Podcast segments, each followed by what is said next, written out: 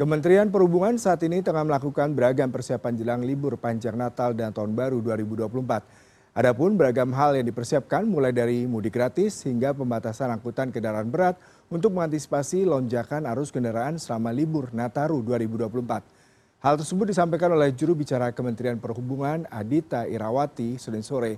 Kemenhub memprediksi pemilihan moda transportasi selama libur Nataru 2024 akan didominasi oleh mobil dan sisanya didominasi oleh transportasi umum seperti bus, kereta, kapal laut hingga pesawat. Sementara untuk mengantisipasi lonjakan arus kendaraan, Kemenhub membuka pendaftaran mudik gratis menggunakan bus dan angkut motor pada 8 Desember dan akan berangkat pada 22 Desember mendatang.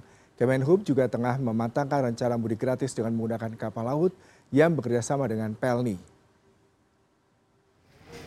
pergerakan masyarakat ini mencapai 39,83 persen dari total populasi atau senilai 107,63 juta.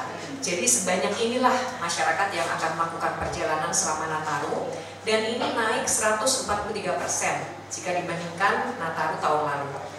Uh, tetapi tentu memang uh, belum menyamai angka sebelum COVID ya, masih belum sama dengan. Jadi ini mendekati normal. Sementara itu kalau kita lihat moda transportasi utama yang digunakan ternyata masyarakat masih memilih kendaraan pribadi. Jadi yang pertama adalah kendaraan pribadi roda 4 itu akan digunakan oleh 39,97 juta atau sekitar 35,5 persen